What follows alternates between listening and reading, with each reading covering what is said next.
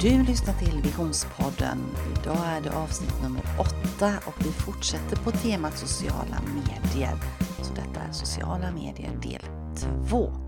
Förra veckan, avsnitt nummer sju, då pratade vi om sociala medier. Spännande tycker jag det här med sociala medier. Hur mycket man kan göra med det och hur mycket som förändras hela tiden. Och jag insåg att tiden räckte inte riktigt till. Det blir ganska långt ändå det avsnittet om detta. Så att, som jag sa då så får det bli en fortsättning då, del två. Jag hade ju påannonserat då att vi skulle prata med Kim den här veckan om rekrytering och LinkedIn. Men den tänker jag på, den väntar vi med en vecka då så gör vi klart det här med sociala medier. Så kommer det lite mer intervjuer senare under februari månad. Som vi pratade om förra veckan så nämnde jag ju olika olika trender som fanns och vad som var mest nedladdat. Och missade du det avsnittet så lyssna gärna på det, nummer sju. Men vad vi konstaterade i alla fall var ju att det är ju bra att ha ett, någon form av social media för att nå ut, för att berätta lite grann om dig själv, positionera dig på marknaden. Och väldigt många har ju Facebook, vi pratade ju mycket om Facebook, för det är mycket, många som annonserar på Facebook. Och har du inte Facebook så är ju det i alla fall gratis och kan vara ett bra ställe att börja på om du är ny då på sociala medier. Många har ju även Instagram som vi pratade om och vi nämnde även LinkedIn som också är väldigt vanligt och som är mer för företag och kanske lite mer seriösare i sin framtoning då än Facebook. Lite mer business när man är där. Det finns lite mer tabu vad man säger och inte säger där och det kommer vi komma till lite längre fram i ett senare poddavsnitt. Jag pratade även om TikTok som är väldigt växande då och eh, där är du korta videoklipp och där får du ju tänka efter lite grann på din målgrupp som du vänder dig till. Det är ju mest ung publik på TikTok även om det blir en äldre publik också. Det kan ju vara bra att ha ett TikTok-konto som jag pratade om förra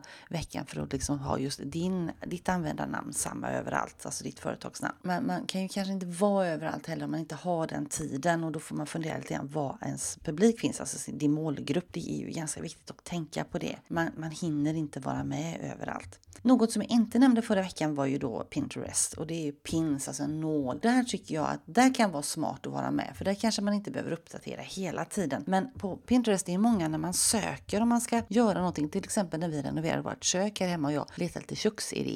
Då kom oftast det fram saker från Pinterest liksom där folk hade lagt upp sina pins. Så där kan vara ganska smart att finnas med då. Speciellt om du har en affär och håller på med heminredning. Vad jag inte nämnde så mycket förra veckan, man kan ju göra en podd som jag gör här här. Det är ju ingen social media i den bemärkelsen, men det är ju också något sätt där du kan berätta om din verksamhet. Om du har någonting som är väldigt specifikt. Du kanske har en affär och du vill kanske berätta om olika trender som finns och göra folk intresserade av det och, och då får du dem att, att lyssna och få förtroende för dig. Och, och liksom, för det är ju en djungel av vem ska man välja och det är ju ganska bra att veta att ja, men, ja, han eller hon kan verkligen det här. Jag lyssnar på dem varje vecka. Då blir det ju ganska troligt. Som nu följer jag några konton på Instagram som jag har ramlat in på med som har mycket kreativa idéer och de har även eh, odlingsintresse. Där får jag lite tips om dahlior och luktärtor som jag kan tycka det var lite skoj att syssla med på, på helgerna jag ute i min trädgård. Och när jag ska köpa frö nästa gång så är det ganska troligt att jag kommer att kanske beställa det från dem som jag följer. Men vad jag inte nämnde så mycket förra veckan, det var ju, och som jag hade velat prata lite grann, det var ju Youtube. För Youtube, där är det ju väldigt, väldigt många som söker och många är ju Youtubare som man säger. Jag är inte jätteofta uppe där, men om ibland när jag behöver göra någonting och jag undrar hur gör man det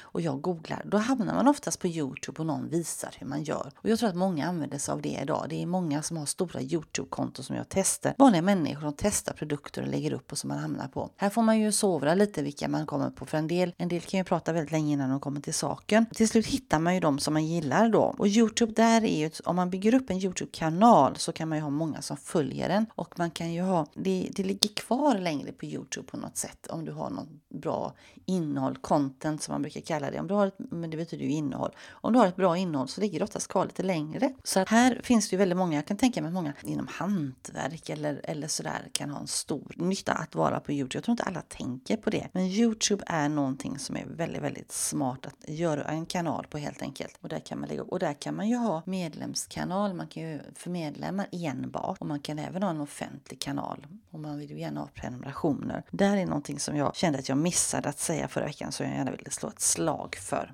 i denna podden. Men detta sagt kommer jag avsluta sociala medier för tillfället. Men vi kommer komma tillbaka till det senare i vår. finns väldigt mycket att prata prata om detta. Men det här är lite beskrivning av några. Och slutsatsen är nu då lite grann som vi även var inne på förra veckan då. Att fundera ut på hur, var finns din publik? Hur mycket hinner du med? Och försök att få till några former av sociala medier att vara med på. Och de flesta som jag sa, har sagt flera gånger här nu tror jag har Facebook och Instagram.